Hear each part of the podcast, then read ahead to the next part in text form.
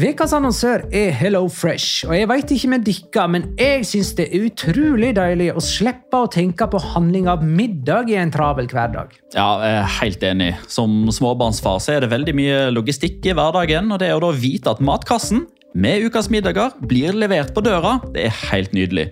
Da slipper du impulskjøp på butikken når blodsukkeret er lavt, og når du kommer hjem, kan du bare ta ut posen med dagens ingredienser fra kjøleskapet og sette i gang matlaginga. Ja, Du kan velge mellom 25 ulike retter hver uke. Og de har faktisk en egen kategori som heter Raskt og enkelt, med masse enkle og gode oppskrifter. Veldig greit å ikke måtte ty til takeaway hver gang det er hektisk på jobb. Jeg gleder meg spesielt til sterk chilikylling i min neste kasse. Jeg blir sulten bare av å tenke på det. Ja, Det er ikke feil med bacon og cheeseburger heller, da. Og det som også er bra, er at matkassen koster det samme hver uke, som gjør det enklere å holde matbudsjettet. Ja, og så blir det ikke matsvinn heller, fordi du får akkurat det du trenger til hver eneste rett. Hello Fresh kan absolutt anbefales, og bruker du koden vår, LIGALOCA, kan du få opptil 1779 kroner i rabatt på de fem første matkastene hvis du ikke har prøvd Hello Fresh tidligere. Du kan også prøve koden hvis du har avslutta abonnementet ditt for tolv måneder siden eller mer. Gå inn på hellofresh.no og bruk koden LIGALOCA. Bon appétit! Hallo? Jeg kommer fra Oslo politikammer.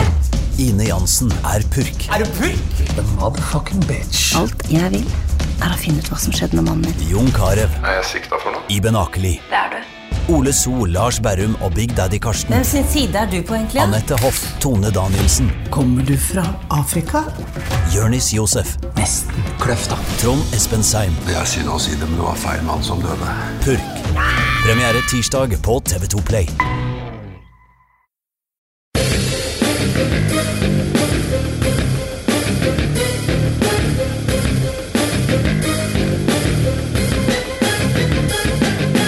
Har du sett? Real Madrid er seks poeng framfor Sevilla, som har én kamp til gode. Og nå blir Sevilla lansert som tittelkandidat av uansvarlige pøbler som bare er ute etter å jinxe og ødelegge for uskyldige sportsmenn. Og dermed knebler Sevilla for presset og taper mot juniorlaget til Barcelona allerede tirsdag kveld.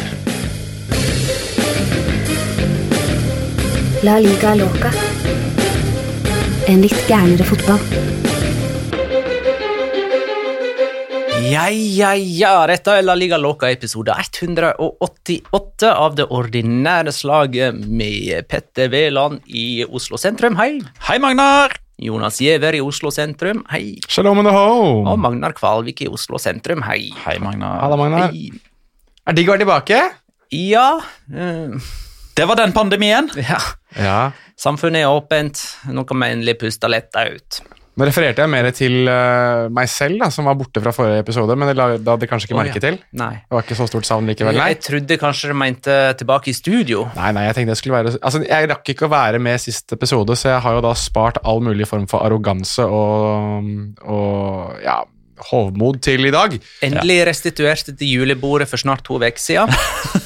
Ja, ja, det, det får en si. Um, Bare hu huker du av på den explicit-varianten bare allerede nå med en gang. det er kanskje greit å gjøre. Nei, uh, nei jeg, jeg hadde veldig hodepine sist, uh, sist uke, det er helt riktig. Så da sto jeg over. Det var for alles beste. Men jeg ville egentlig, det, grunnen til at jeg tok det her opp, var fordi at jeg ville si at det var fantastisk gøy å høre på en episode av La Liga. Jeg er jo sånn som Petter. Jeg endelig fikk høre en episode jeg ikke var med på selv. Jeg kunne glede meg til alt jeg skulle høre på.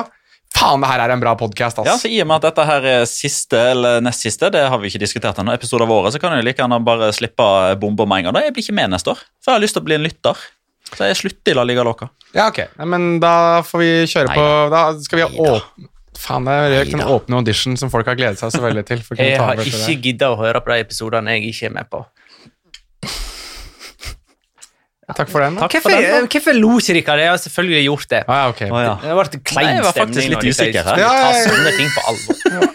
Nei, jeg begynner med et uh, mer eh, sånn lettsindig spørsmål fra lyttere før vi graver oss ned i alvoret. Roar med skarre R skriver Hvilken spiller tror dere gir den beste Secret Santa-gava, og hvem tror dere gir den verste? Nei, den verste må jo på være Liga-spillere. ja, Den verste må jo være Jeg går for Jené Dakonam, for at der veit du at du får en tofotstakling i knehøyde. Det er hans gave. Og han skjønner ikke hva som er gærent med den. Ja, nei, altså, jeg er helt sikker på at Damian Suárez han er en sånn eh, fyr som har sånn barnehagehumor. Eller for så vidt ikke barnehage, for jeg håper ikke de holder på med sånt der. Eh, men har sånn barnslig humor, da. Som eh, sender dildo til kona til en lagkamerat eller noe sånt. Formet sånn som en egen penis. Ja, Støpt uh, ut ifra sitt eget form, ja. Mm. Jeg kjører på sånne som gir meg inntrykk av å være litt trauste. Sånn enten Ugo Guillamon eller Sergio Herrera, keeperen til Osasona. Det er sånne som jeg tipper ikke har særlig fantasi og gir gryte i kluta. Eller. Men kan jeg stille et spørsmål da? Nå- Mens vi er inne på den som gir best gave. Eh, I tråd med det du var inne på her, Petter, dette Ja. med å gi eh, sexleketøy og sånn. Eh, hvis Ogodoro, harde Hugo, sender, dem, sender noe sånt til kona til en lagkamerat Det er litt morsommere. Ja, Ja. det er faktisk det, altså. Ja, Ja. bra.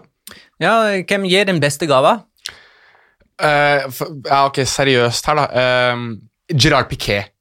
Gerard Piquet tror jeg er sånn som den han skal gi gave til. Da, da får du noe skikkelig greier. ass. Noe sånn Han tror jeg går above and beyond med tanke på alle de tingene han driver med. liksom eh, Det at han driver Davis Davies Cup og dette med Ibayan og sånn. Jeg tror han kjøper noe skikkelig greier. Ja. Ja. Jeg kjører litt i samme gata med Dani Alves, som virker både kreativ og ikke sparsommelig. Nei. Der, eh, altså, der, eh, altså Ut ifra hvordan han tar vare på seg sjøl, så tror jeg han tar ekstremt godt eh, vare på sin bedre halvdel. Eh, jeg tror Marcos Llorente eh, Ja, altså, Men- det- jo, men der, der snakker vi all inclusive uh, uansett. Men, men nå er det sånn. Secret sent, så dette er mer sånn eh, for kollegaer sånn på arbeidsplassen, tenker jeg da. Ja, Tror ikke du han har lyst til å sende Diego Simione på spa, eller? Jeg tror han er sånn som kjøper sånn årsabonnement på proteinpulver eller noe sånt. Sånn dritt om altså, Ja, ja, det òg, ja. det. ja, ja du, du får hele pakken her. Altså, Ja, okay. ja, ja. Ja. Men uh, Jørn Henland, da, hvilken spiller vil dere ha som julenisse på julaften? Jorge Molina, for han er eldst. Nærmest uh, julenissen. Uh, jeg vil jo ha David Timore da, for å få en mer sånn autentisk følelse av at det faktisk er en nisse med skjegg. det er jo Dette er han uh, Godelj.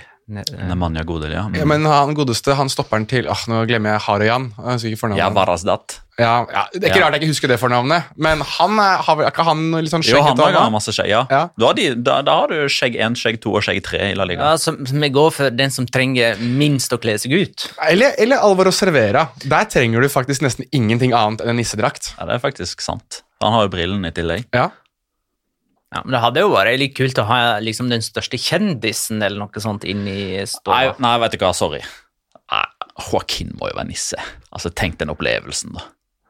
Jeg veit ikke om ungene blir mer traumatisert enn de blir glade, men eh, det er jo Han er jo eldst, for så vidt. Han, er jo ikke, han er jo faktisk eldre enn eh, Molina. Joaquin ja. kommer med lua, løsskjegg, og det er alt. Ja. Resten er bart. Ja. Lue, løsskjegg, og, og det er det? Ok, da, bør han, da bør han være nisse hos noen som ikke har fått barn ennå. Det er sikkert Santa-gaven til han. Han er gaven til den andre.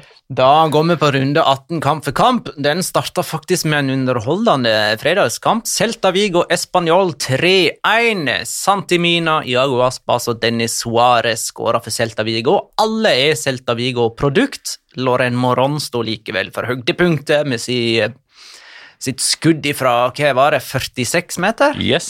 Nå kan vi, mens du nevnte en av målskårerne her nå, så kom jeg faktisk på noe som jeg skal eh, love her og nå, at jeg skal gi til Patrions i løpet av romjula. Dere må bli med hvis dere har tid og lyst. Det blir jo da eh, altså juleelveren i La Liga, altså Santi. Mina skal jo da være med på det, blant annet. Kan jeg hete hvem spissmakeren hans er? Er det spillere som er der nå, eller kan ha vært der fra før? Nei, de må være der nå for at det Ja, skal være Ja, litt vanskelig. ryker jo Roque Santa Cruz. Ja. Ja, nei, greit. Nei, men da skal vi, Det får du finne på. Mm. Gleder meg. Dette var Celta Vigo sin første heimeseier siden september. Det ser ut som uh, ja. Godet overlevde 2021. Ja, det er jo fortsatt noen dager igjen av året, da, Magnar. Ja. Kan drite Men seg ut. har Celta Vigo De skal ikke spille før jul nå? Nei, de, skal ikke, de er ferdigspilte. Uh, og igjen da så får man jo bare den bekreftelsen som vi får hver gang. Jago Aspas enten er med eller ikke er med. Altså fra 0-0, drita kjedelig, produserer ingenting og slår ikke Mallorca på bortebane til festfotballskåring, festfotball. Skåring, assist og tredje sist på skåringene. Men likevel så har Santimina skåra flere mål enn Aspas i 2021. Santimina er er Celta Vigos toppskårer i kalenderåret, og det er første gang siden 2015 at Iago Aspas ikke er Ja. det. Og da var han vel ikke i Celta engang? da? Ja. Ja, jo, du, jo da, han, han kom vel fra Sevilla eh, altså sommeren 2015, så da var han der bare halve året. Ja, riktig. Det kan stemme. Da var det iallfall Nolito som var deres mest skårende. Oi, ja. Eh, Espanol er eh, nummer ti, på tross av at de ikke har en eneste borteseier. De kan skryte av tre uavgjort, og at bunnlaget Levante er det eneste lag med færre bortepoeng. Jeg hopper videre nå. Gjør det. Rayo Vallecano Alaves 2-0. Sergi Guardiola og Catena med hver sitt Rayo-mål. Rayo er nummer fire, framfor lag som Atletico, Barcelona, Real Sociedad osv.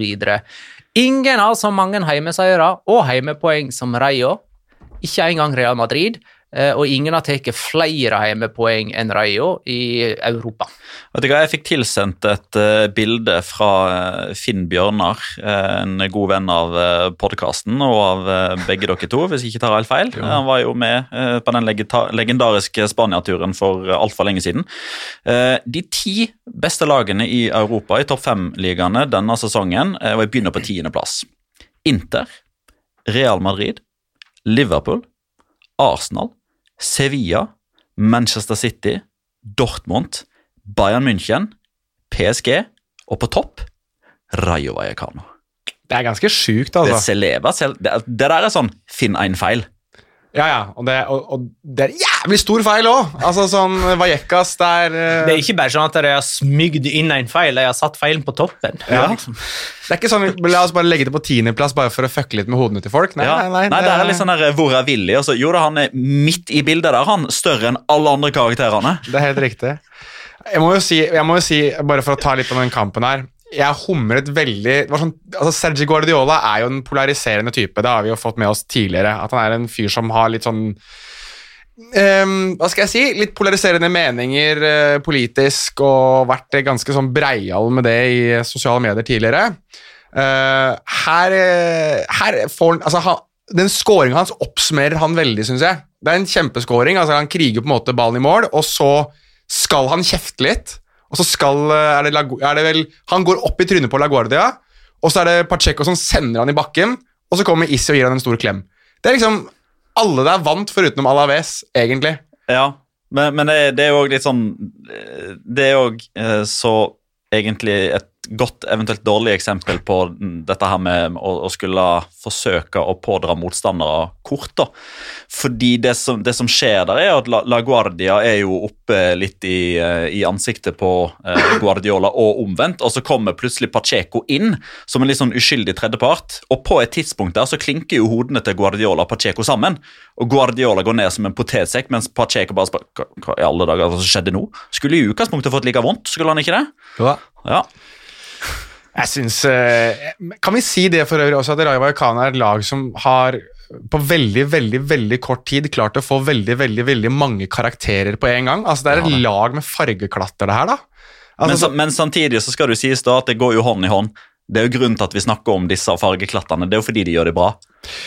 Ja, sant nok, men hvis du tar Ja, kanskje altså, Jeg husker da vi kalte Alaves for Alavester det, da de holdt på sammen med Abelardo den sesongen der, hvor, hvor de holdt på ganske lenge. Så snakket vi ikke så veldig mye om de ulike karakterene i det laget, men jeg husker. Altså, det var ikke noe sånn Det var jo La Guardia, da, for så vidt. Han er jo med hele tida. Altså, han virker som han har vært der siden tusenårsskiftet. Men eh, hvis du ser liksom det Raja Vallecano-laget, så har du alt fra Dimitrievskij i mål til Trejo til Comesania til Alvaro Garcia, Isi Palazon, Guardiola. Falcao var jo på benken her. Randi Nteka, som du fikk en for- forkjærlighet for tidlig, Magnar. Det var derfor han som runden spiller en gang. Jo da. Eh, Jeg har vel ingen forkjærlighet for han, for jeg hadde ikke hørt om han før han eh, Du fikk, en, du fikk en kjærlighet for ham da, kan Ja. kanskje si. Du, du var nyforelsket denne uka. Mm. Eh, men, eh, ja, men det så jo eh, tidligere i høst ut som at Rayo Vallecano kunne bare sitte inn på Falcao i fem minutter, og så skåra han, og så var kampen vunnet. Men, men han har jo egentlig ikke bidratt i det siste. Han Det har er, vært det ganske anonym. det. Han har vært på banen i 349 minutter. Eh, og Rayo har spilt 17 kamper nå. 349 minutter. Det er fire fulle kamper, det er pluss litt tillegg. Elsker Falcao. Eh, Real Sociedad via Real 1-3. Alexander Isak sendte Real Sociedad i ledelsen, og så utligna Gerard Moreno før han òg sendte dem i ledelsen, og så satte han opp Chukwese til 3-1. Dette var Villarreal sin første borteseier i La Liga denne sesongen. Her sto det 1-1 da Mikkel Oyarzabal så ettertrykkelig fikk sitt eh, første røde kort i karrieren, og Real Sociedad mista kontrollen på oppgjøret. Skal, eh, han eh, eh, formildende omstendigheter for Oyarzabal, eller var han bare kjempestygg? Nei, det det var klink rødt kort, ja. Ja. Jeg tenker det, Hvis, hvis du først skal altså- gjøre noe, noe for første gang, så får du gjøre det ordentlig, tenker jeg. Skal du bli utvist, så skal det ikke være noe tvil. Ja, men det, altså, eh, når man ser det stillbildet som jeg så på Twitter, så ser det jo bare helt jævlig ut. Ja. Eh, men når jeg ser situasjonen i levende livet, eller i alle fall sånn i fast, eller i normalt tempo, så, så får du en sånn følelse av at han, han prøver å ta ballen, og så kommer en legg inn framfor Det er en dårlig takling. Altså, det, Ja. det er en angrepsspiller som takler. Det kan vi konkludere med. Og Ja. Det pleier de ikke å være så flinke til. Nei, men eh, ja, det bare så Det ser grusommere ut, syns jeg, med det stillbildet enn eh, i realiteten. ja, ja. Men, Men, men det eh, at det er jeg klink rødt, er ikke til å diskutere. Men da, det, det er jo faktisk eh, altså Hvis noen av lytterne kommer på et sånt eksempel, da, på ting som ser verre ut eh, i normal hastighet enn på et stillbilde For det, det er alltid det motsatte som blir trukket fram, at ja, men det ser så mye verre ut på stillbilder. Men har vi eksempler på det motsatte? For jeg tenker Det er jo en, ja, det er jo helt åpenbart at det ser verre ut, fordi når du da finner stillbilder, så regner jeg med at du finner det som gjør situasjonen klarest. Jeg mener stillbildet lyver når det, når det gjelder sånn kraft og sånt som er involvert. Der kan eh, normaltempoet eh, være- få det til å se verre ut, da. Nei, Ofte kneskader. Altså Spillere som lander feil og sånn. Altså, du ser at det er noe som er feil, men du vet ikke alltid hvor feil det faktisk er. Jeg husker veldig godt et stillbilde av Zlatan Ibrahimovic da han tok eh, kneet sitt, og han tok det jo på to steder. Sånn, gru, sånn freak injury. Og da husker jeg at Du ser at kneet hans er feil. Du ser at, det, at foten hans står feil i bakken, men du vet ikke hvor jævlig det der egentlig er. Det, Altså- den husker jeg. Jeg lurer på om den der taklingen Goikochea hadde på Maradona back in the day Ja. Ja. Den ser jævligere ut i, i normalt tempo, for da får du med hvordan han satser. Altså, du får hele sekvensen, eh, og ikke bare sånn eh, et utsnitt av den. Og, og det, det er mord i handlingen. Ja. Ja, det er det. Men uh, skal vi se Villarreal med noen gode resultater i siste, da. Seier mot uh, Atalanta, Rayo Vallecano, som eh, jo er nummer fire i La Liga. Og uh, Hvem Real sa at Unai Emer Emery ikke klarer å slå topplag, liksom? Real Sociedad på sin side har fire strake tap. Ja, jeg, dette var det jeg frykta litt, grann, når de begynte å få skader. Altså, Jeg fikk litt sånn déjà vu-følelse fra forrige sesong, da man snakket om kan Real, er dette sesongen der de endelig kan utfordre fordi sesongen er så rar osv. Ja, Samme feilen igjen nå. Det er det at den troppen er, den tynnes ut og tynnes ut og tynnes ut. Og når typer som David Silva og Mikkel Merino forsvant en periode, så begynte resultatene å butte imot, og så nå har du Mikkel Orazaba som skal være ute i hvert fall en kamp, så det, det er liksom det samme som i fjor, egentlig. Ja, på nøyaktig samme tidspunkt òg. Ja. Midten, midten av november. Da gikk eh, lufta ut av ballongen. Men kan man eh, nesten si det samme om Viareal? Villarreal? da? Nå, eh, nå ser det lysere ut for at Gerard Moreno endelig er tilbake. Åpenbart en faktor, men når sant skal sies, da um, altså Etter den første omgangen, og at det er et rødt kort her Resultatmessig så er jo dette en veldig bra kamp. Mm. Det, det er det, men spillemessig ja, Spilt mye bedre i kamper de ikke har vunnet før. Eh, og som jeg også har vært inne på, og jeg nevner det spesielt ofte i sesongledningen, når man liksom skal få dannes nye inntrykk da, av f.eks. Uh, første kampen til Barcelona post Messi. Tilfeldigvis det òg var mot Real Sociedad. Ja da, de vant den. Det har de gjort hvert år siden 1997. Uh, og det er sånn, Villarreal de vinner på Anueta. Det, det er bare en, der, der vinner de. Altså, eh, Real Sociedad hjemme mot Villarreal etter at Villarreal rykka opp til La Liga for aller første gang, så har Real Sociedad slått eh, Villarreal kun tre ganger på eget gress. Og Det er, det er, det er en sånn greie i spansk fotball at du har noen sånne statistikker som er helt uforklarlige, og som bare blir forlenga og fortsatt over tid, nærmest uansett hvor gode eller dårlige man er den sesongen, uansett hvordan eh, formen er inn mot kamp, uansett hvordan skade- og karantenehistorikken er. Det, det bare fortsetter av litt sånn uforklarlige årsaker. Vi kommer til en sånn til seinere i runden.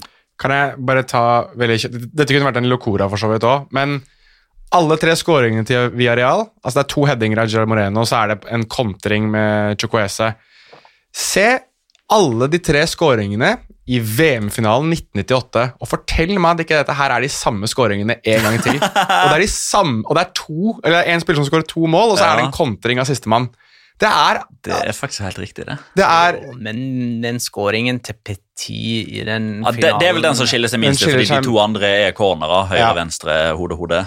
Ja. Men uh, de to cornerheadingene til Gerard Moreno, begge på sperretrekk, er like altså, Det er bare å kjøre de samme trekkene hele tiden, og, og man finner liksom aldri ut av det som forsvarende lag. Ja. Selv om det, altså, det er det enkleste trekket i, i boka, og det, det går, dør aldri. Jeg bare si liksom Moreno à la Zidane. Jeg hadde bare lyst til å dra den. eh, Fikk lyst til å dra den. Men Bare- vi, vi hadde faktisk, altså når jeg spilte på juniorlaget til Lyn, så husker jeg at vi eh, kjørte Uh, klarte å legge bare den i Som om at det er en prestasjon. Du snakker med en som spilte på juniorlaget og B-laget til Sagene. Og, og, og til Lærdal. Hvor, hvor, ja. mange, hvor mange kamper har dere i Eliteserien, Obos andredivisjon til sammen? Null. Ja, det har jeg òg. Jeg har ikke kommet noe lenger enn dere bare fordi jeg var på juniorlaget til Lyn. Nei, men som- du prøver å si at du hadde litt mer lovende Jeg hadde, et, jeg hadde bedre grunnlag, men jeg klarte det likevel ikke. Jeg kødder, jeg, Petter. Kjør på! kan, jeg, kan jeg bare få slenge inn da? Jeg har spilt kretsfinale i junior-NM i basketball. Vær så god. Ja, Det er fint du bare la den der. Sp- Spilt, legg meg det, så har jeg spilt. Da kan du gjette på resultatet. Jeg vant ikke. Nei, ikke sant. Eh, da, eh, når vi var på treningsleir før sesong, så kjørte vi sånne innøvde varianter. Eh, og da var det Polarne Johansen, som nå er eh, U-landslagstrener i, eh, i forbundet. Han hadde en sånn egen variant på det der. eh, du kaller det for sperretrekk. Han kalte det for 'dørene lukkes'. Ja, Så eh, mm, Det var bare det. Dørene lukkes. Ble det mye lenger og mer uinteressant. Dørene lukkes for, for eh, Real Sociedads uh, tittelsjanse, mener jeg. Ja, ja, ja, ja, ja. Det kan jeg i hvert fall si ja, nå. Ja.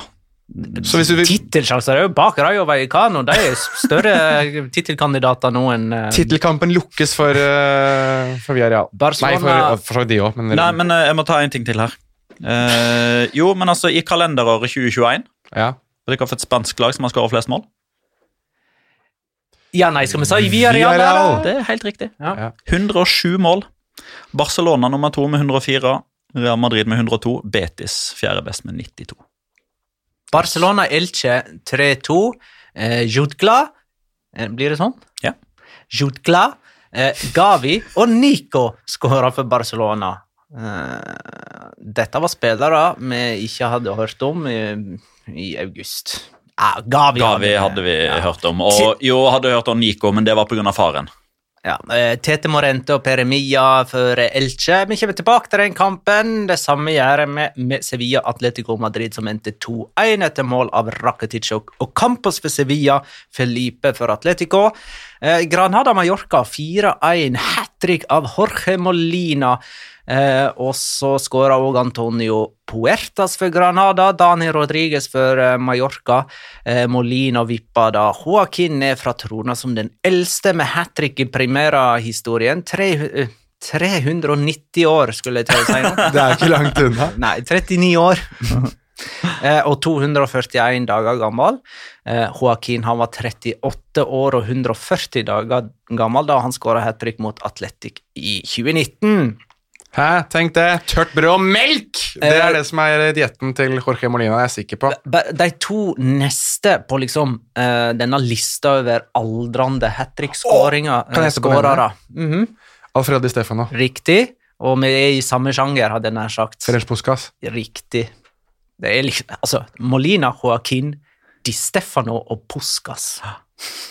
Ja, det blir så bra det når eh, Superligaen blir en eh, realitet til sånn 2027 eller noe sånt, og Jorge Molina liksom er den største stjernen som blir igjen i det som da er La Liga. Når eh, Atletico Madrid og Barca og Real Madrid forsvinner. Og han liksom- spiller ennå. Ja, ja, ja, som 46-åringer. Ja, Ja, ja, ja. Og hvis du skal sette opp ei toppskårerliste i Primera-historien av spillere på 38 år eller mer, så topper Molina den. Gjør han det? ja, han gjør det. Som 14 mål siden runda 38. spilte Adoris da han var 38?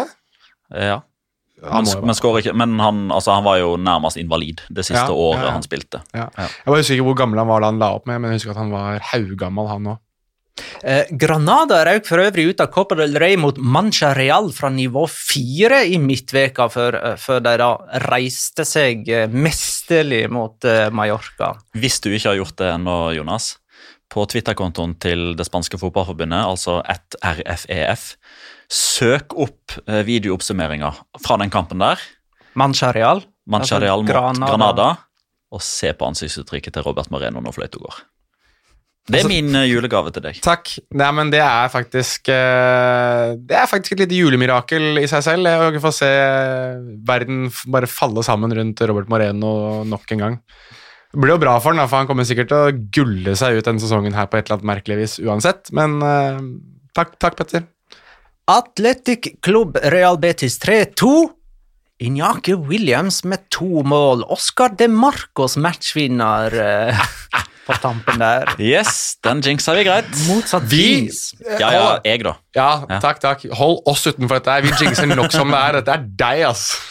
Eh, Det var Juanmi og Nabil Fikir som skåra for eh, Betis. En herlig kamp der Betis snudde 1-0 til 1-2, og så snudde Atletic tilbake til 3-2. Atletic hadde åtte seriekamper på rad uten seier, og så slo de altså formsterke Real Betis, som hadde fire strake seire i La Liga, og er nummer tre på tabellen. Eh, Dette var Atletic sin eh, første seier siden oktober.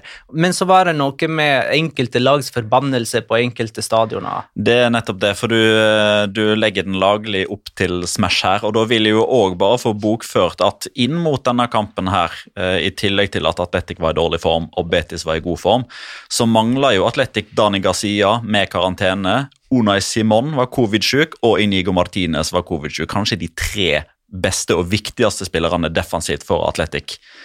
Men så er det Real Betis da, som eh, pisser i buksa hver gang de nærmer seg nye San Mames. Ni kamper har de spilt der. Det er ni tap, det. Det gir absolutt ingen mening. Altså, det er sånne statistikker så er sånn Girona som er på besøk hos Barcelona. liksom. Ja, 9-0 innbyrdes. Ja, ok, greit. Neste story. Den tror jeg på. Kan jeg få si det at keeperen til Atletic-klubben i den kampen her, Julian Agresabala, det, det høres ut som en sånn der FM-regen. Høres ut som en sånn der regenerert spiller som bare har dukket opp i spillet på et eller annet tidspunkt.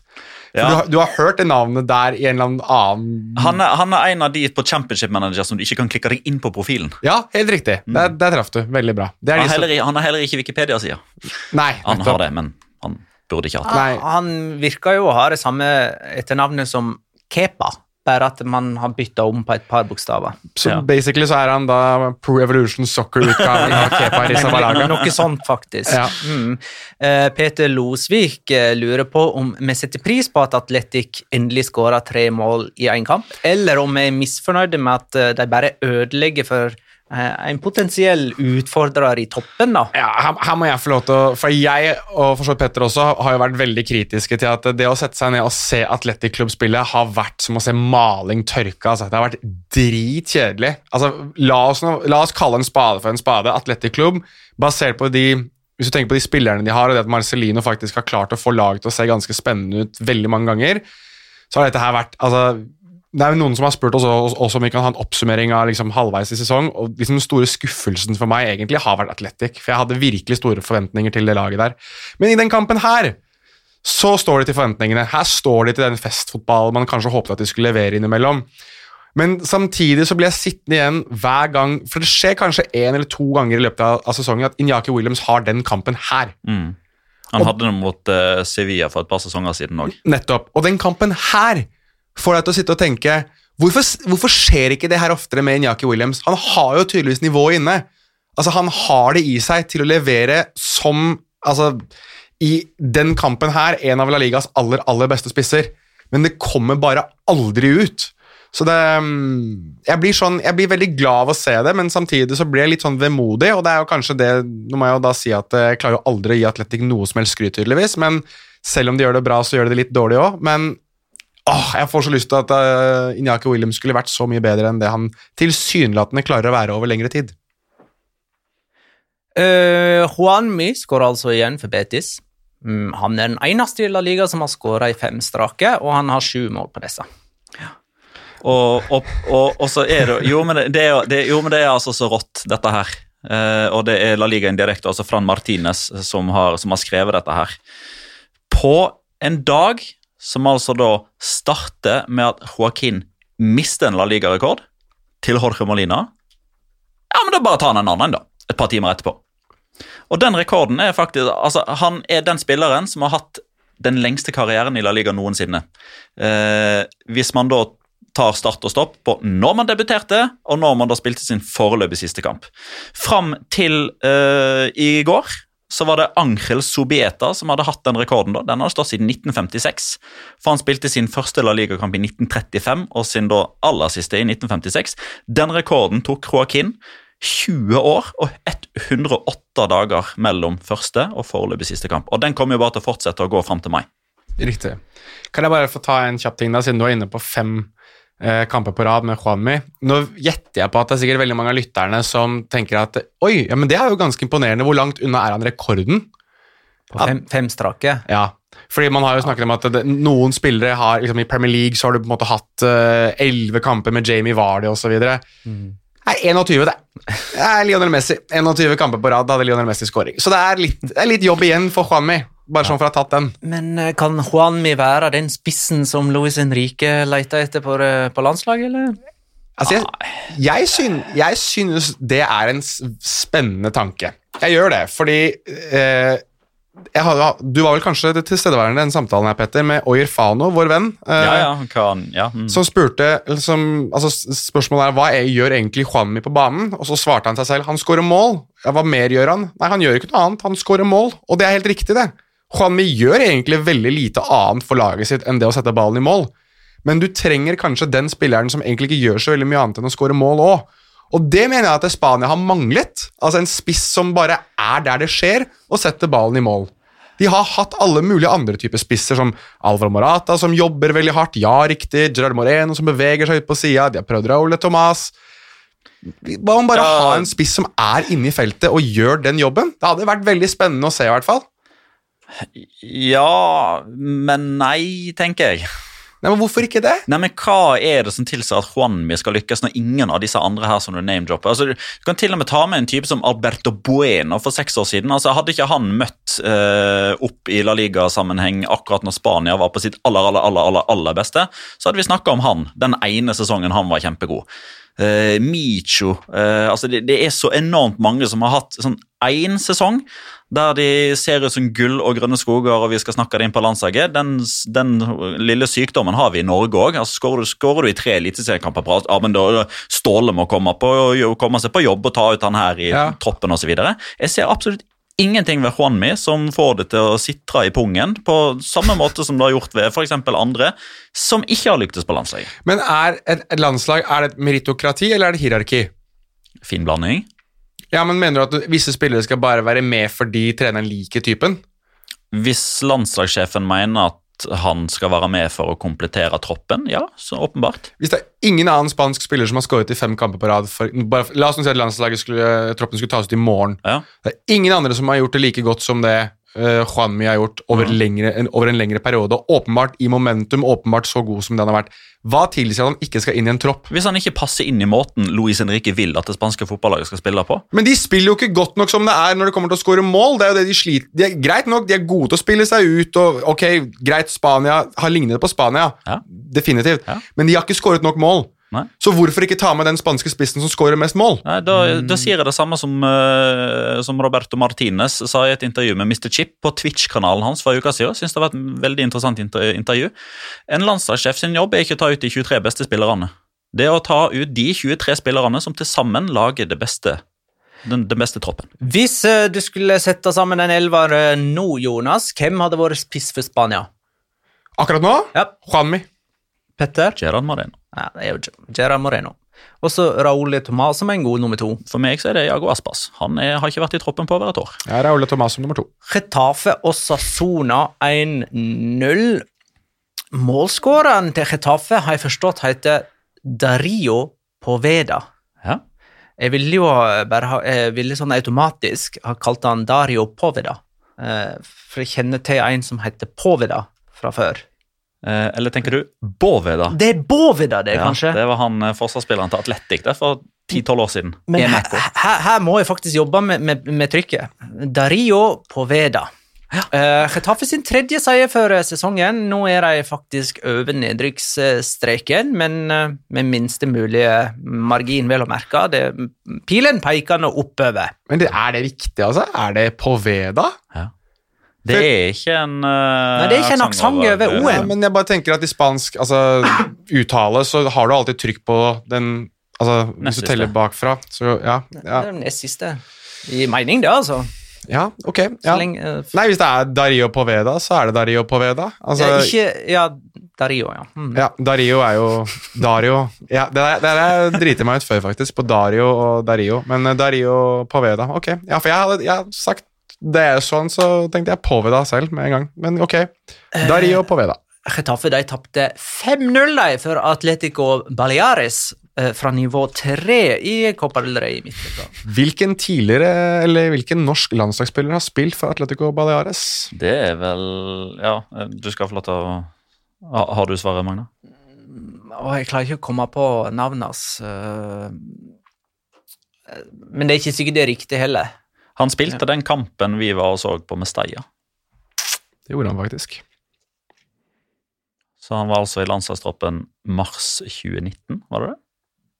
Det høres riktig ut. Oi! Ja. Høyreist. Hva er det, han Bekken som var i Palermo? Det er Haitam Alasami. Ja. Han spilte den kampen, han òg. Så på tynn is! Å, eh, eh, Mars. Ja, Ja, riktig. Bjørn Mars Johnsen. Bjørn Mars Johnsen har spilt for Atletico Baleares. Ti kamper, null mål. Eh, men eh, greit. Eh, Real Madrid Cádiz endte 0-0. Men det, nei, men altså, denne her kan ikke bare henge. av. Dette må sies. Vet dere hvem han var lagkamerat med den sesongen? Eh, Mars? Han var lagkamerat åpenbart om ca. 20-25, men det er to vi, stykker her. som- Vi snakker om Atletico Baleares nå, sant? Ja, vi snakker om eh, Atletico Baleares i 2012-2013 på nivå 3. Jeg tror jeg vet den ene, men ikke den andre. Try me. Altså, Hvis jeg treffer nå, så lurer jeg på om jeg kanskje bare skal reise meg opp og gå. Men eh, kan, kan det ha vært Walter Pandiani? Det er helt riktig. Da snakkes vi. Nei, jeg skal bli værende, men uh, Og den andre er det er også en sånn, annen sånn, det er en sånn kulttype. Vi nevnte han ikke i den fotball-TV-episoden, fordi han, han er liksom ikke en stor nok profil, men Rocke Mesa. aha, ja, kongen av uh, pornobarter, da. Mm. Det er riktig. Real Madrid Cádiz 0-0. Eh, Ligalederen mista poeng hjemme mot laget som er nest sist. Vi kommer tilbake til det. Eh, Kampen vi ikke har sett fra denne runden, er Levante Valencia med avspark mandag kveld klokka 21. Vi kan likevel oppsummere den med Chris Robin Eriksen sine ord.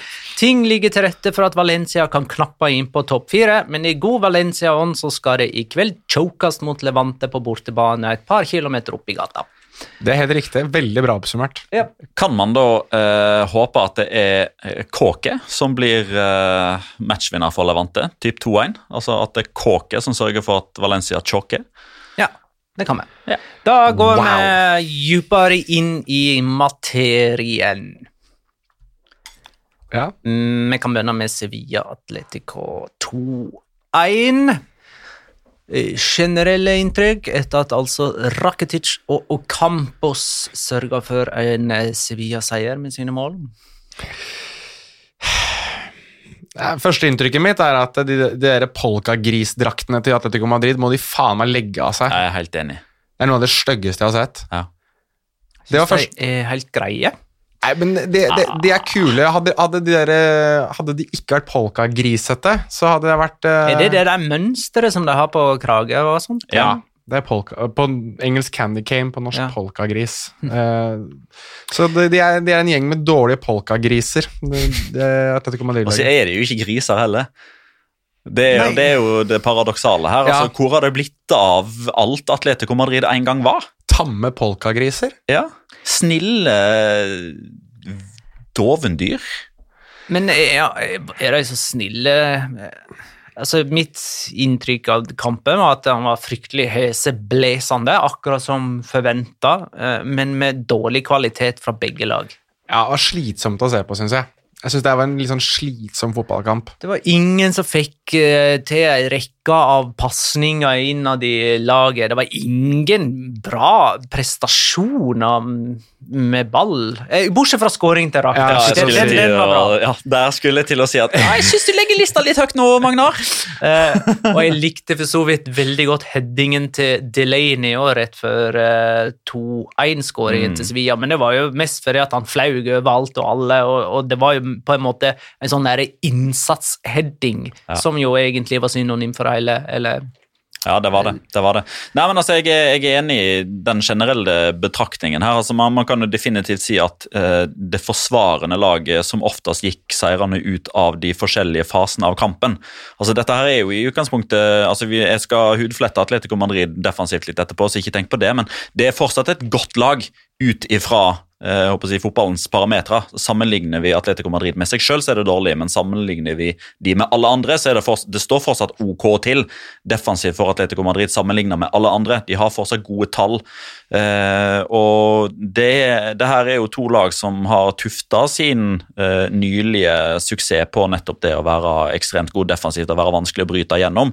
Eh, og da blir det jo ofte sånn at når tempoet blir for høyt, så er det forsvarsspillere som går seirende ut av dueller, som får en fot foran, eh, der både Lopetegi og Simione er ekstremt risikotenkende. Altså de, altså de tar lite risiko. De vil heller ha én mann ekstra i sikring, én mann ekstra bak på riktig side av ballen.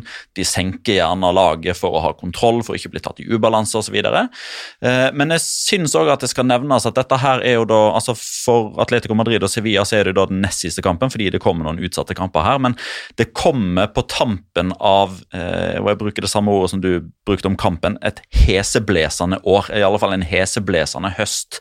Én ting er jo antallet kamper som har spilt, for dette her er jo lag som har uh, landslagsspillere i stort sett alle posisjoner. Så når de i hermetegn er fri, så spiller de kamper for landslagene sine med reisevirksomheten som det innebærer òg, men massive skadeproblemer. Altså Jimenez, Savic, Llorente, Acuña, Jesus Navas, Ocampos, Oliver Torres, Lamela, Soso og Enysyre var enten skada til kampen, eller var tvilsom før kampen, eller ble skada underveis i kampen. Eh, og Årsaken til det er jo at de har jo ikke fått hvile i det hele tatt. Fordi dette her er to lag som har vært 1, 2, 3, 4 gjennom hele sesongen. Det forventes at de skal være der, det er satt knallere krav til at de skal være der. Man snakker om økonomisk håpløshet om de ikke havner der. Og i Champions League så var det kniven på strupen til siste finaleblås. Atletico Madrid klarte det, Sevilla klarte det ikke. Eh, Så dette her var liksom en sånn siste kraftanstrengelse, sånn egentlig, men så har de fått en utsatt kamp som de kanskje også tok litt hensyn til når det begynte å nærme seg eh, tampen. Så ja, en, en heseblesende kamp der kvaliteten var lav, men jeg tenker at det, er, det ligger noen årsaker bak her. Ja, og så vil jeg bare få Altså, jeg må rett og slett si at jeg klarer ikke helt å Altså, ok, basert på seg selv og basert på resten, så selvfølgelig Atletico Madrid er et godt fotballag, men det sier jo litt om den veien de har tatt da, de ti årene under Simione, når vi sitter og snakker om, om de nå, og jeg rett og slett må si at jeg syns at de, de er ikke gode. Altså, jeg syns ikke at Atletico Madrid er gode, basert på det vi forventer av dem, da. Mm. Um, og ja, jeg husker veldig godt når Javier Aguirre og Kike Sanchez Flores og hva var det? Gregorio Manzano. Gregorio Manzano og så videre. Altså, så jeg kan godt bare legge ved det at ja, jeg husker det har vært veldig mye dårligere, men det, det her er ikke bra.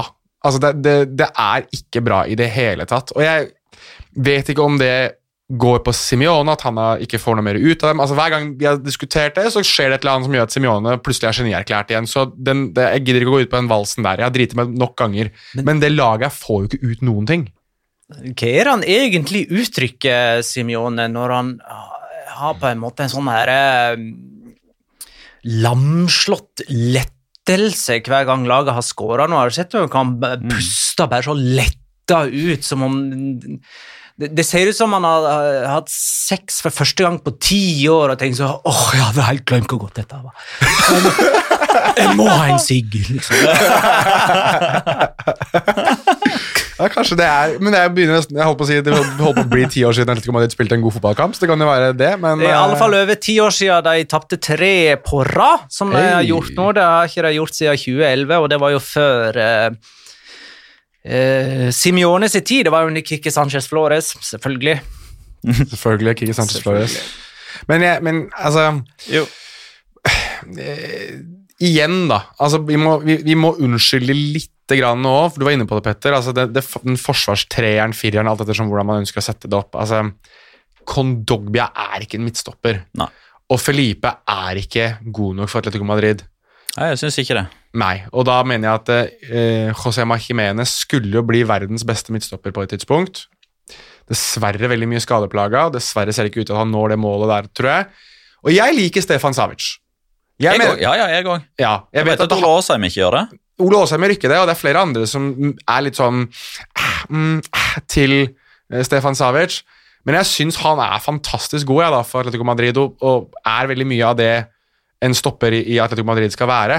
Men når de da ikke er der, og de tre som er bak der, da, hvis du kan bruke de tre, er Felipe, Condogbia og Mario Hermoso, som jeg heller ikke er helt sikker på om er god nok for et mester, altså for et titteljagende Atletico Madrid. Da er det og, og Jan Oblak ikke står i mål lenger heller, tydeligvis. Så det er jo en eller annen står der. Men jeg syns ikke Sevilla ser noe særlig bra ut, heller. De bare kjemper bedre enn Atletico i denne kampen. Uh, Endre Tengren skriver Hvilke sjanser gir ikke Sevilla for seriegull i år, gitt at de slår av Madrid til våren og får bedre innbyrdes resultat? Uh, For uh, som Mr. Chip og påpeker på Twitter her i helga, så, så har Sevilla dette i egne hender. Det blir seriegull i, eh, til Sevilla, Magnar. Um, De har jo nå eh, De har tatt 88 poeng i kalenderåret eh, 2021. Forrige beste notering var 79. De har, altså de, de, de, de har aldri vært i nærheten av å være så gode som de er nå.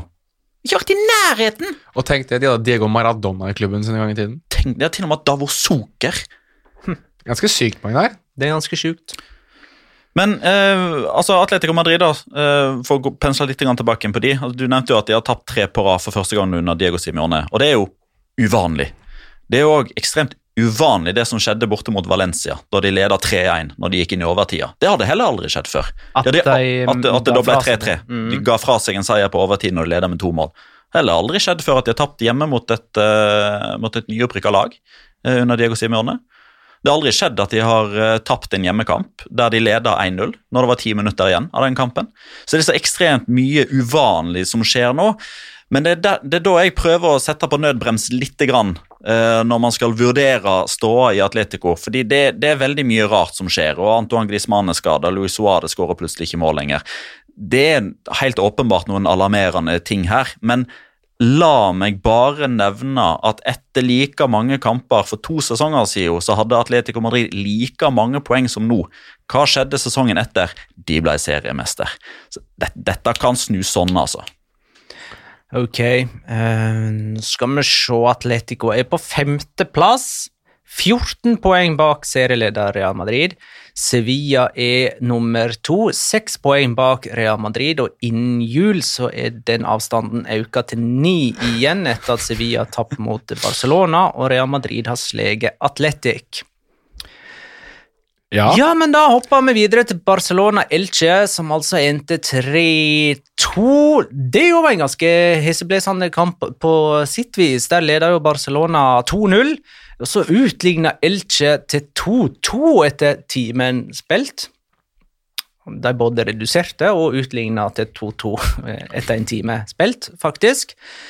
Eh, og så skåra Nico for Barcelona etter å ha blitt satt opp av Gavi, som tidligere hadde skåra. Og så var det enda et nytt fjes i denne Barcelona-elveren i form av Jude Glad, som er 22 år. Eh, og hvor kom han ifra? Spanjol? Ja, han er vel spanjolprodukt, ja. Men han Ja. spilte vel for Barca B.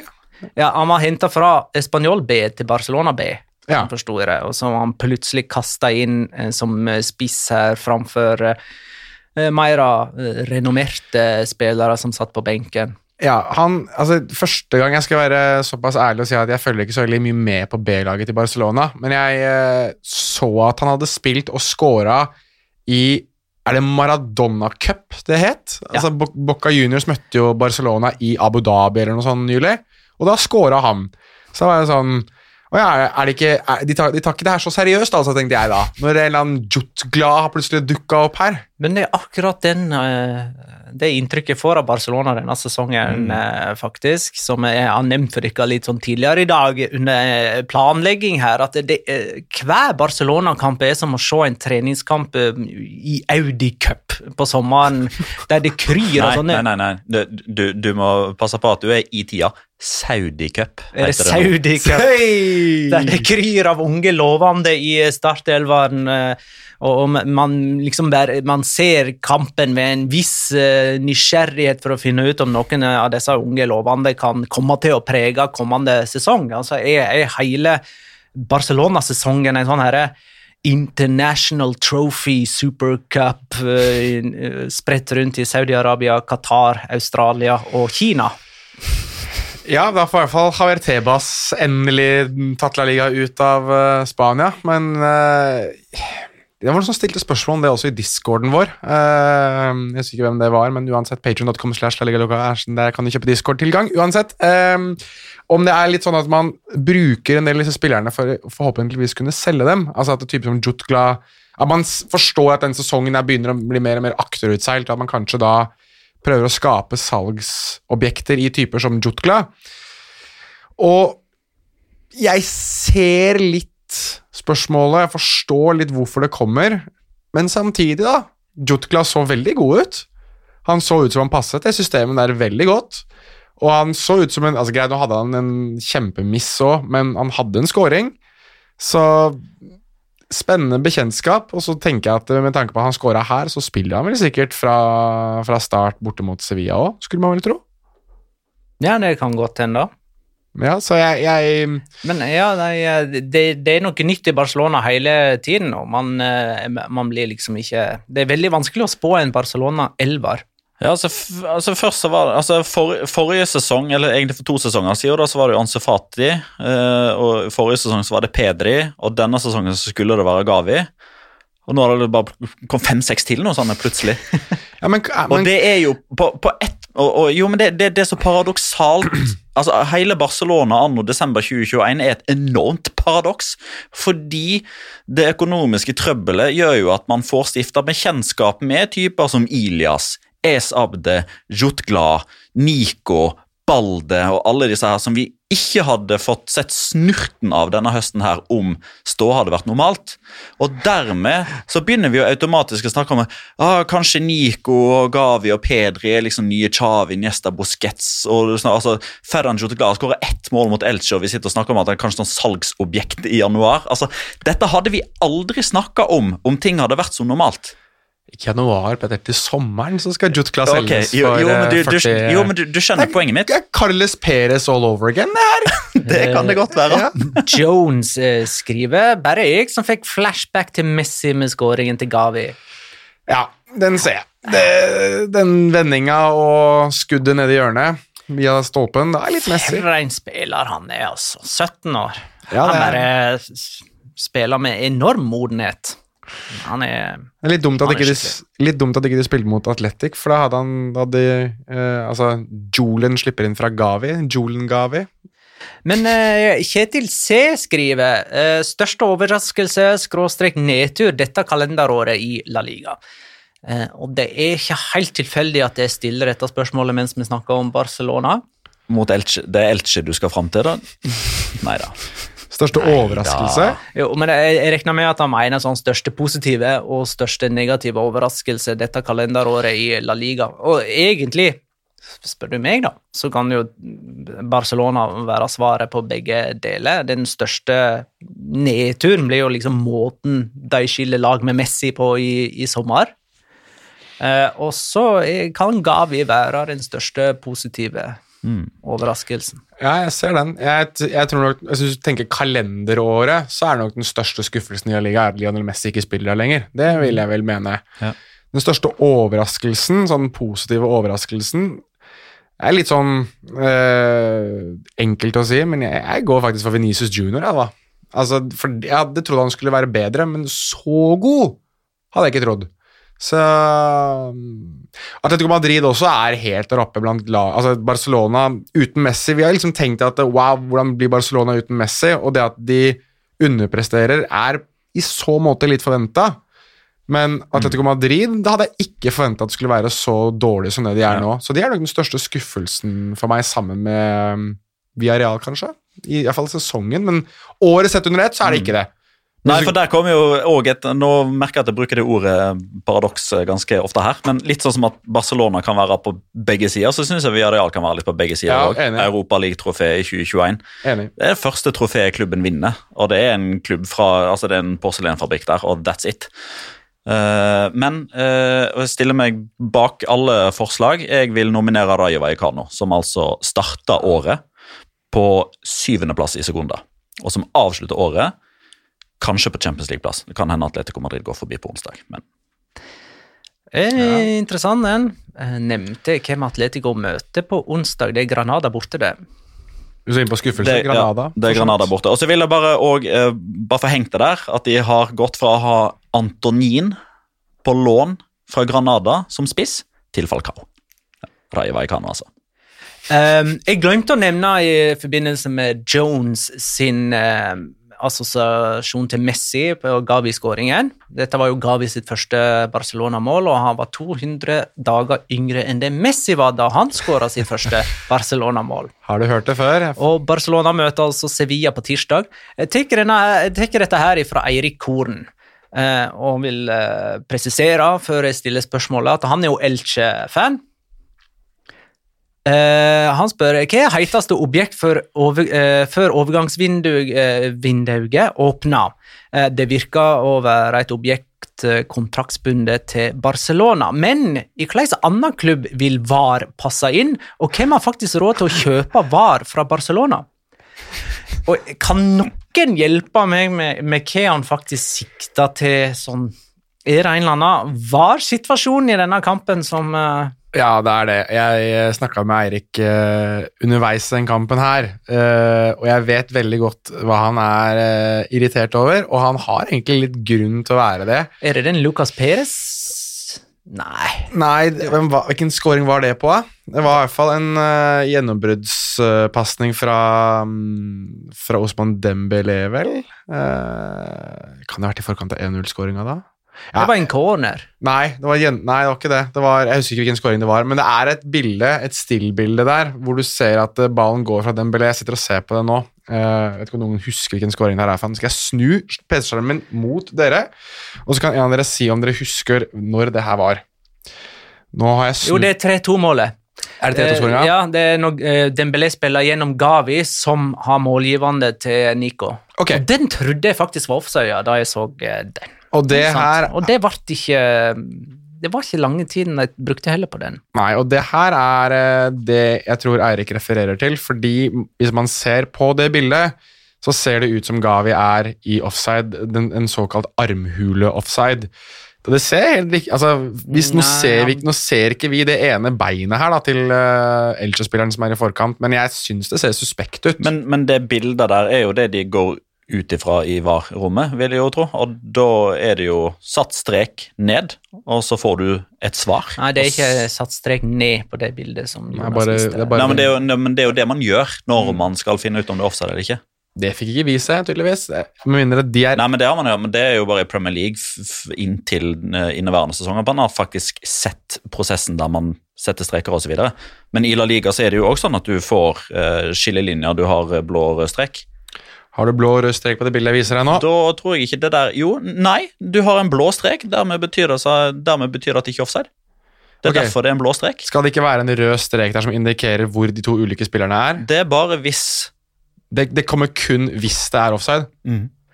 Ja vel, ok. Nei, jeg syns uansett at det ser suspekt ut. Visstnok. Men, men eh, det Eirik og alle andre Elche-supportere har større grunn til å være litt uh, i furore over, det er jo for så vidt eh, alle i spansk fotball, men det er jo det at det ikke går langt technology. Og dette her kommer jo da i etterkant av Valencia Elche, der man fortsatt ikke er helt enige om den ballen var over streken eller, eller ikke. Valencia Elche for uh, Ja, men nå vil jo. Eirik, Nå spør jo Eirik Horn hvem man kan kjøpe, eller hvem som har råd til å kjøpe varer fra Barcelona. Så, Mm. så da ikke Valencia, altså. Nei, nei, nei men dette kommer jo da liksom, Dette er andre kamp på rad, Ja, ja. helt på tampen. Mm. Helt avgjørende for om Elche tar Ja. poeng eller ikke. Men det er veldig To på rad med sånne eh, helt hårfine poengtap for Mm. Elche der, altså. Men er det nå jeg skal inn og fortelle det at det er ny dommersjef i Spania? Okay. Det syns jeg er et uh, passende tidspunkt. Kjør på! Fordi Velasco Carballo han har jo blitt promotert, han skal jobbe for selveste Uefa. Så da uh, er det jo en ledig stilling som har blitt besatt nå av eh, Luis Medina Cantalejo, en av de tidligere toppdommerne. Eh, Det første han var ute og sa da han eh, overtok for det, det et par uker siden nå, det var at det var slutt på såkalte penaltitos, altså lette straffer. Altså, det, det skal man ikke ha lenger. Altså, dette er en kontaktsport. Eh, straffespark er altfor stor konsekvens for en bitte liten dytt i ryggen eller en, en, en, eh, hånd som er tre centimeter ut fra, fra sida osv. Han har sagt at eh, han vil ha Spilte han her på det norske landslaget på 90-tallet? Høres bare sånn ut i måten du forklarer ham på. Go on! Ok, ja, ok. Han vil ha mer flyt. Han har òg bitt seg merke i det som vi har eh, hatt en egen spesial om på fotball-TV, med at det er for lite flyt i spillet og for lite effektiv spilletid. Uh, han har innført det sånn at eh, den eh, som har minst å gjøre i, eh, i VAR-rommet, til enhver tid skal eh, ha et, eh, et, et øye på tillagt tid. Altså Han skal hjelpe hoveddommer med å bestemme hvor mye tid som skal legges til. Ja, det er fair. Det syns jeg er veldig fint. Ja. Og han har sagt at det går ikke an å være venner med spillerne. Eh, så Matheo Lahos går jo i eh, litt sånn stram jul i vente, vil jeg tro. Eh, men det som er altså Én ting er jo det han sier, en annen ting er jo det som han åpenbart har innført. Det kan godt hende at det er tilfeldig, men det, det, det er for tilfeldig til at det er tilfeldig. I løpet av de første 146 kampene som ble spilt, og i løpet av de første 15 serierundene, fire av de har blitt utsatt, så derfor er det 146, 50 var involveringer og 53 straffer. Nå har Medino Cantalejo vært dommersjef i tre runder, innført sine eh, vilkår. 29 kamper, tre straffer, én VAR-involvering. Og det var Inyaki Williams' sin scoring som ikke var offside allikevel. Én involvering på 29 kamper. Én involvering på 29 kamper. Og derfor så tenker jeg nok at eh, Fordi den eh, skåringa til Barcelona med Nico Gonzales, der Gavi kanskje er en armhule i offside osv., det er ikke den eneste denne runden. Det er òg 1-0-skåringa til Rayo Vallecano. For der har Ja. du òg sånne paint-guruer rundt omkring som har stoppa bildet og tatt sine egne streker og kommer med eh, fasit etter 30 minutter. Som jo selvfølgelig ikke går an til, det går ikke an til å vente 30 minutter. De mener at Alvaro Garcia, nei, jo, Alvaro Garcia faktisk var i offside der, men det er med så lite. Den lar Medina Cantalejo og hans menn nå. Det lar de passere. Jeg er litt sånn sur at det ikke var Itoralde Gonzale som fikk jobben som dommersjef. skal Jeg helt ærlig. For det Jeg var tror nok han har diskvalifisert seg sjøl ganske greit med sine uttalelser de siste tre-fire årene. Rafa Guerrero også. Vi, må vi må si noen ord om Real Madrid, Cádiz eh, til slutt. Eller, ja, til slutt. Kan jeg, kan, jeg få, kan jeg få lov til å oppsummere mine tanker rundt det her ved å bare sitere Alvaro Cervera fra den kampen her? 0-0. Mm. Ja, 0-0. Uh, han sa vi klarte å gjøre det til en stygg kamp. Eh, Det gjorde pinadø med Casemiro òg. Eh. Real Madrid eh, hadde altså ti seire på rad, og den rekka stoppa her. Jørgen skriver i de siste kampene til Real Madrid eh, så har de møtt eh, lag nummer to, ni, seks, fem og 19. Sjokkert over at de droppa poeng i sistnevnte. Nei, har, nei man, er, man har jo sett det før. Mm, De har avgitt poeng mot de to nederste lagene i denne tabellen, Real Madrid. Det er Cádiz og Levante. Levante. Ja. Uh, og det siste laget som ligger under streken, det er jo noe Alaves. Uh, har de møtt. Ja, det var i Ja. første serierunde, ikke sant? Men, men den kampen skulle vi ikke legge oss mye i, for det er jo en kamp de vinner alltid uansett. Cádiz med 18% ballbesittelse.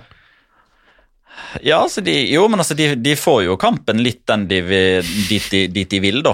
Eh, men jeg tror nok ikke Alvaro Savedo hadde lagt opp til en plan der, eh, der, der planen var at Real Madrid skulle komme til 36 avslutninger. Eh, for det er jo rein og skjær griseflaks opphøyd i Conan the Barbarian som gjør at de ikke slipper inn mål i den kampen her. Eh, men det er allikevel eh, Nei, nå skal jeg ikke bruke det ordet. Det er litt rart. Det er et, At- par, det, et paradoks? Det er et paradoks. Det er eh, det er et paradoks. Det er det, ja. At i de fire La Liga-kampene de siste fem årene, der ett lag har hatt over 30 skudd på mål, så har ingen av de fire lagene vunnet kampen. Real Madrid hadde altså da 36 avslutninger mot Cádiz, 0-0. Real Madrid hadde 33 avslutninger mot Levante, sluttresultat 1-2. Uesca hadde 32 avslutninger mot Levante, sluttresultat 2-2. Og Eibar hadde 32 avslutninger mot Levante, sluttresultat 4-4. 4-4, ja. ja. Eh, David Sundell skriver Hva skal til for at Casemiro skal få rødt kort? Mikael Bjerkan svarer Gil Manzano må dømme. Det, det, er sånn, det, det er sånn humor som Petter Wæland Det er så bra pris på. svar. Det er, altså, det er sånn, Bare for å oppsummere sånn, hvor gæren Petter Wæland er på La Liga Det er sånn humor som han Han virkelig kommer til å godte seg med ut kvelden. Ja, åh. Bare sånn Hvis noen lurte på hva vi har å stri med i den podkasten her i etterkant av innspilling, den her kommer vi til å høre om etterpå. Men uh, som er sånn her eh, alternativt tema for en sånn her eh, fotball-TV-spesial, der har jo vi ganske konkrete tema som vi skal diskutere, liksom. Så har jo jeg lansert dette med at eh, som en potensiell problemstilling for en framtidig episode, at uh, vi må diskutere uh, hvorvidt uh, det kreves en Eller det er på sin plass med en regelendring når du bryter kontringer med viten og vilje, sånn som Casemiro gjorde i denne Cádiz-kampen. Jeg mener at det, det må snart straffes hardere enn med bare gult kort. Der er ikke reglene i dag, og jeg tror ikke de kommer heller, men var ikke den taklingen der likevel helt på kanten?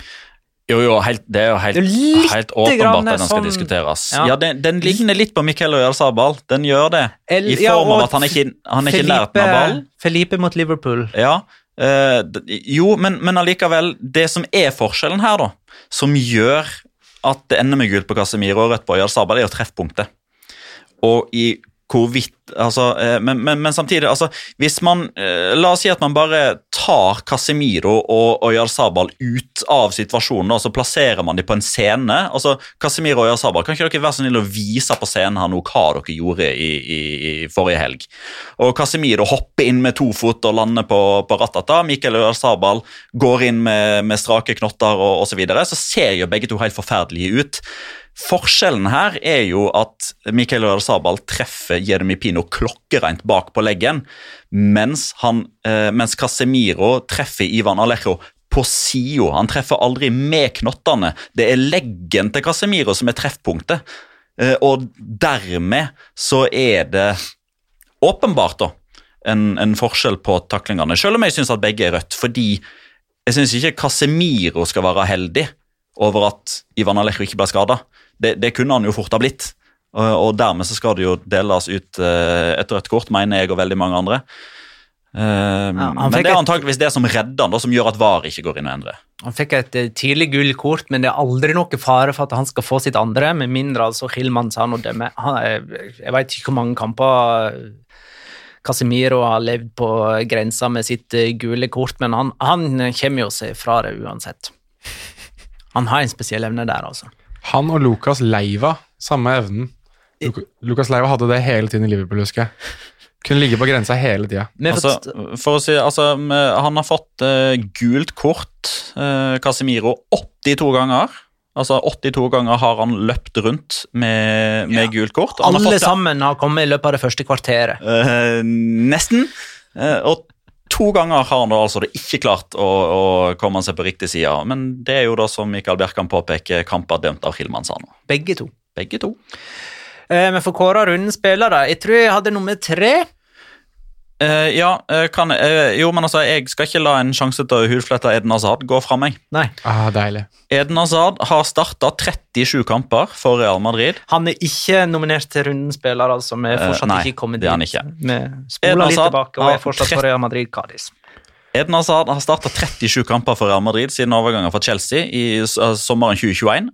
Eh, nei, sommeren 2020 Sommeren 2019 var det han kom, ja! Altså han starta 37 kamper. 20 seire, 9 uavgjorte og 8 tap. I løpet av samme periode så har Real Madrid spilt 66 kamper der Eden Hazard ikke har spilt et eneste minutt. 48 seire, 11 uavgjorte og 7 tap. Altså Prosenten her er ekstrem. Og det blir enda mer ekstremt når du eh, tar med i betraktningen her at de siste 13 kampene Eden Hazard ikke har spilt et eneste minutt for Real Madrid, så har Real Madrid vunnet. De siste 33 kampene så har de ikke tapt. Så du prøver, det du prøver nå, er å lage et narrativ der Eden Hazard er den som ødelegger alt for Real Madrid? Og det skal forsterkes med at i topp fem-ligaene de siste åtte årene så er det fire kamper som har endt med 36 avslutninger eller mer for et lag, uten at de har vunnet. Atalanta mot Empoli, Chelsea mot Westham, Manchester United mot Burnley, Real Madrid mot Cádiz. Den eneste spilleren i hele verden som spilte i to av de kampene, heter Eden Hazard. Takk for meg. Eller takk til Mr. Chip, som hadde den. Jeg må jo si at uh, det var en uh, Vi skal inn på han etterpå, men han var jo nære en scoring her, da. Godeste Eder Hazard. Hadde jo en heading som uh, Som ikke ble mål, ja. Takk for at du gjorde poeng ut av det. Ehm, nå må vi kåre rundens spiller. Jeg bjødner nei og gir min nominasjon til Gerard Moreno. Vi har blitt enige om at han er nummer tre.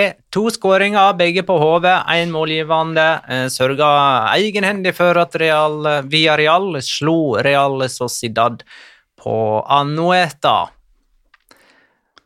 Det er bra, Magnar. Det om, omvendte, det om, det omvendte oppgjøret altså. Via Real Sociedad. Sociedad, ja. Ja, ja, det er bra, det. Eh, Vær like kort og konsis, da. Jeg tror det var Jonas som hadde nummer to her. Ja, eh, for eh, ja, for, for den som kanskje har sett La Liga for første gang, så vil man kanskje omtale han her som Jeremias Ledesma. Eh, men for vi som faktisk ser La Liga hele tiden, hver dag, så er det ett navn på denne keeperen, og det er Konan. Og de som lurer på eh, hvem Konan er, så er det bare å søke opp Conan the Barbarian.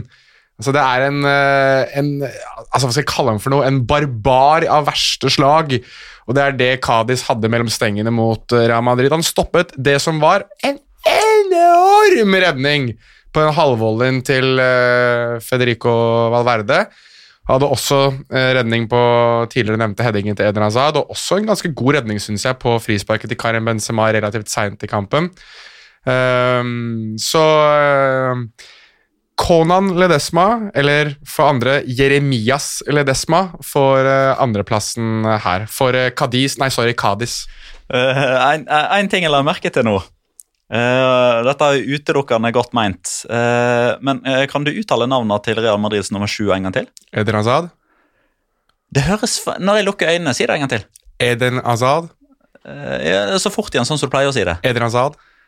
Jeg får litt Asbjørn Brekke-vibber når du sier Eden Hazard. Altså, jeg har, jeg har kalt ham for Eden Hazard. Jeg kalte ham for Eden Hazard en gang i tiden, da jeg ikke visste dette på fransk. Men det som virker å være det riktigste, er Eden Hazard. Ja. Og hvis du sier det, Det er helt riktig. Ja, hvis du sier det kjapt, slik jeg muligens gjør, så blir det Eden Hazard. Ja. Og da høres du ut som Asbjørn Brekke. Ok, greit. Ja. Når, han, når han sier Alt. Å ja.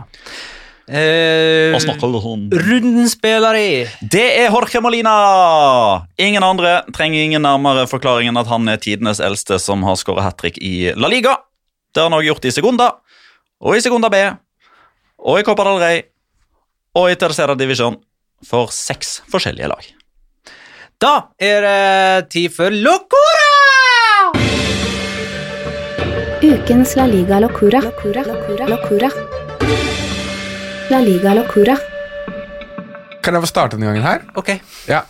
For jeg starter aldri, så jeg har lyst til å starte denne gangen. Eh, Passer på at ingen tar den. eh, jeg tror ikke noen tar den her. Da ville jeg blitt overraska. Jeg synes det var veldig gøy. Eh, Kike Sanchez Flores er jo suspendert i disse dager. Altså, han eh, satt jo etter å ha klikket i vinkel for noen runder siden etter kamp, eh, så er jo han oppe i sin egen lille losje, og det er jo ganske gøy. Um, og det var litt moro, fordi at da Dario Poveda Hæ? Hæ? Eh, sk- skåret vinnermålet på overtid her for Getafe mot Osasuna, så fikk man jo se at eh, godeste Kike Sanchez Flores feira og jubla sammen med sine assistenter inni denne lille boksen som de satt i. Det man fikk se etterpå, som jeg synes var kjempegøy, og som er en liten lokore, er at det var en supporter, en dame, som la merke til at, det, at rett over henne så satt Kike Sanchez Flores i den lille boksen sin. Og hun forsøkte så iherdig å få tatt en selfie med Kike Sanchez Flores, som står og veiver. Nei, nei, han vil ikke ha, og så prøver han å gjemme seg, men finner ut jeg er jo bare inne i dette lille buret, så jeg kommer meg jo ikke ut. Så han da liksom stå, prøver å gå så langt bak han kan, og liksom Nei, nei, det er faktisk tid igjen her. Og det jeg tenkte da, var jo, og som kommentator påpekte, at kanskje han ville ta det etter at kampen var over, um, for ikke jinxe noen ting. Da kampen var over, så løp jo Kiki Sanchez Flores ut av denne lille boksen sin. Så denne supporteren fikk aldri bildet sitt. Nei. Eh, min locora er kalenderåret til Mikkel Oyarzabal. Eh, for det har vært eh, mildt sagt innholdsrik. Rikt. Eh, han uh, skåra mål i eh, La Liga 2021. Han har skåra mål i La Liga 21-22. Han skåra mål i Copa del Rey 1920 som ble spilt i 2021-sesongen, der han òg skåra i Copa del Rey. Han har skåra i Copa del Rey 21-22-sesongen. Han skåra i Supercopa de Spania 2021. Han skåra i EM. Han skåra i OL. Han har skåra i Nations League. Og han har skåra i Europa League 21-22. Og når man trodde at han ikke kunne toppe det, årets siste kamp Første utvisning noensinne i kamp nummer 326. Ja. Um, min lokora går til Elche. De hadde ikke skåra på kamp nå siden 1978, og så skåra de altså to mål nå på, på lørdag. De skåra to mål på to minutter etter å ha skåra null mål på 43 år.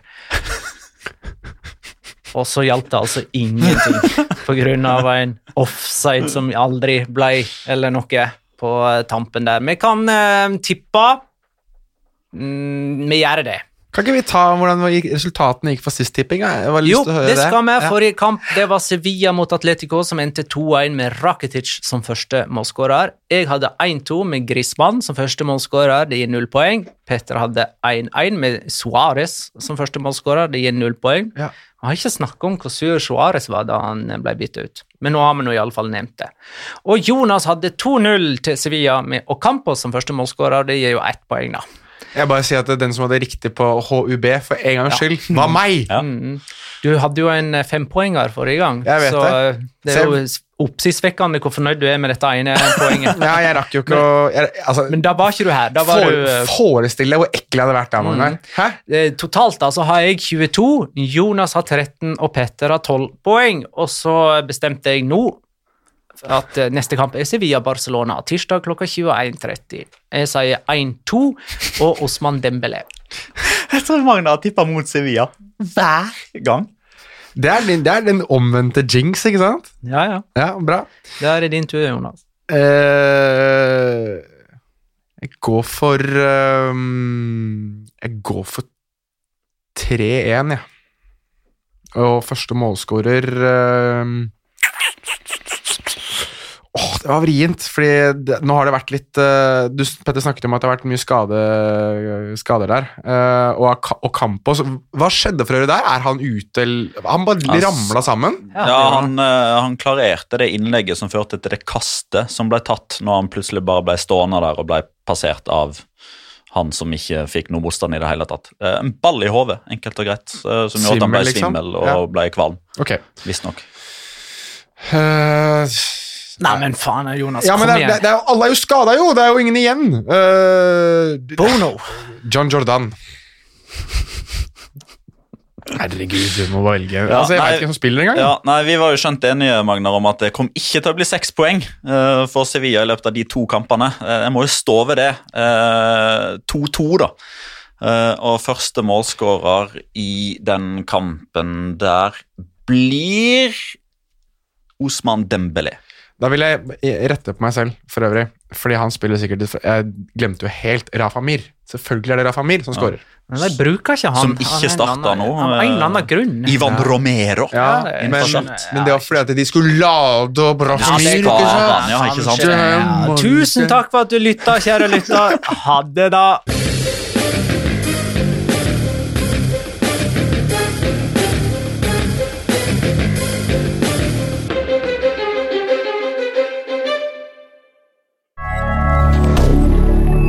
Media. Har du et enkeltpersonforetak eller en liten bedrift? Da er du sikkert lei av å høre meg snakke om hvor enkelt det er med kvitteringer og bilag i fiken, så vi eh, gir oss her, vi. Fordi vi liker enkelt. Fiken superenkelt regnskap.